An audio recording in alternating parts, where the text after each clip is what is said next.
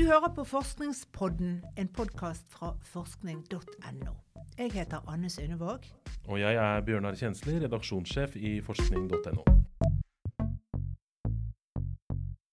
Og I denne episoden av Forskningspodden så skal du få høre at ekspertene på Folkehelseinstituttet sier at når det blir mange nok smittede i Norge, da kan de slippe opp på noen av de strenge tiltakene som vi har nå.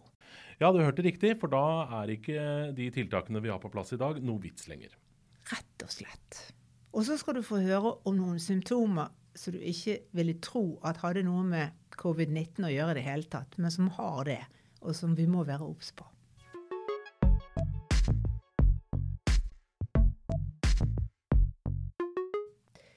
Først, Bjørnar, har du som jeg tenkt at bare vi nå følger myndighetenes strenge råd i noen uker, eller kanskje en måned eller to, ja, så er vi over det verste. Vi har hindret spredningen i å nå store høyder. Ja, da jeg trodde jeg også sett den kurven som var veldig bratt opp og ned, men som skulle bli flat, ikke sant? Ja, nettopp. Mm.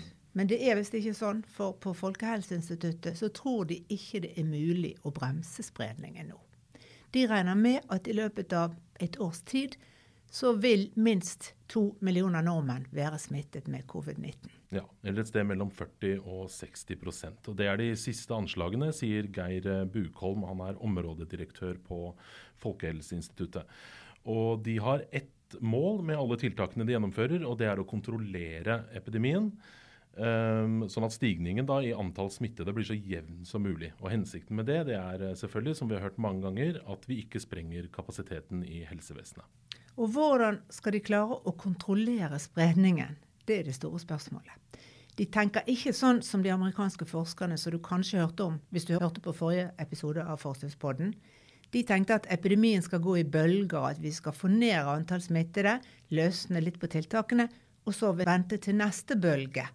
Og så eh, må vi isolere oss igjen. Det, det, er ikke sånn de tenker. Nei, han Bukholm som vi har snakket med, han sier at det strenge regimet som vi har i dag, det skal vare noen måneder.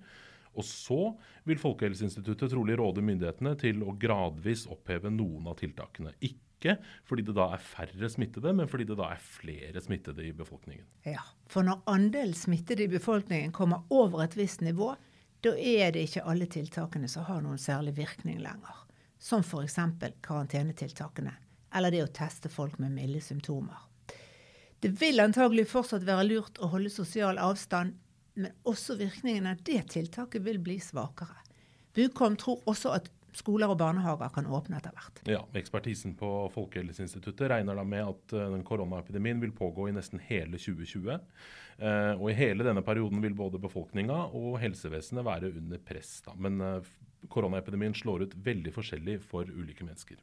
Ja, den gjør det. Den gode nyheten er at mer enn halvparten av oss knapt merker at vi har vært smittet og mange andre vil bare få en lett forkjølelse.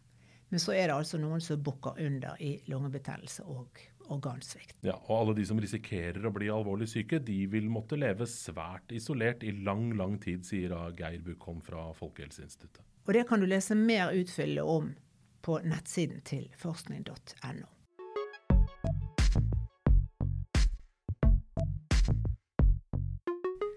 Det er altså en enorm eh, spennvidde i symptomene som covid-19-viruset forårsaker. Det er alt fra ingenting til dødelig sykdom. Og det i seg selv det er litt uvant, for de fleste virussykdommer de er mer forutsigbare. Men så er det alle de litt spesielle symptomene som man begynner å oppdage at dette viruset gir, Anne? Ja, det er mye som tyder på at en del av de smittede mister både smakssansen sin og luktesansen. Britiske øre-nese-hals-leger gikk ut i slutten av forrige uke og ba om at dette budskapet må ut. De har fått rapporter fra kolleger i mange land som forteller historier om smittede småbarnsmødre som ikke lenger lukter noe som helst når de skifter en full bleie på ungen sin. Om kokker som vanligvis kan lukte hvert eneste krydder i maten, som plutselig ikke klarer å lukte verken karri eller hvitløk. Historiene er mange. Det er det de kaller anekdotisk bevis. Ja, Men så er det ikke bare anekdotiske bevis heller. Eh, det underbygges også av en studie fra Sør-Korea som viser at eh, av 2000 som testa positivt på covid-19-viruset, så var det 30% som fortalte at de hadde mista luktesansen. Eh, mens en tysk lege som har studert en gruppe smittede der i Tyskland, sier at rundt halvparten forteller om svekkede smaks- eller luktesanser. Da. Og det er uavhengig av om de har tett nese eller ikke. Men det er heldigvis ikke et varig tap, da. Folk får tilbake både smak og luktesans etter noen dager, eller i verste fall uker, skal vi tro de tyske legene. Ja, Men eh, det er et viktig poeng her at noen får ingen andre symptomer bortsett fra at de mister smaks- og luktesansen. Altså ikke noen forkjølelsessymptomer eller feber eller det, de andre tingene vi har hørt om, men bare mister smak- og luktesansen. Og De britiske legene sier eh, at de per i dag har fått inn nok rapporter om dette til at de ber alle som plutselig ikke kan lukte eller smake lenger, om å anse seg som smitta og da isolere seg. Ja. Og så er det noen av de som blir smittet, som får problemer med fordøyelsen. En studie fra Kina av 204 innlagte pasienter der viser at nesten halvparten av pasientene aller først hadde diaré eller andre mage-tarmproblemer som oppsto før de kjente symptomene som feber, hoste og kortpustethet. Og Det var det vi hadde å fortelle i dagens episode av Forskningspodden. Som er produsert med støtte fra Fritt Ord og forskning.no. Bryanner.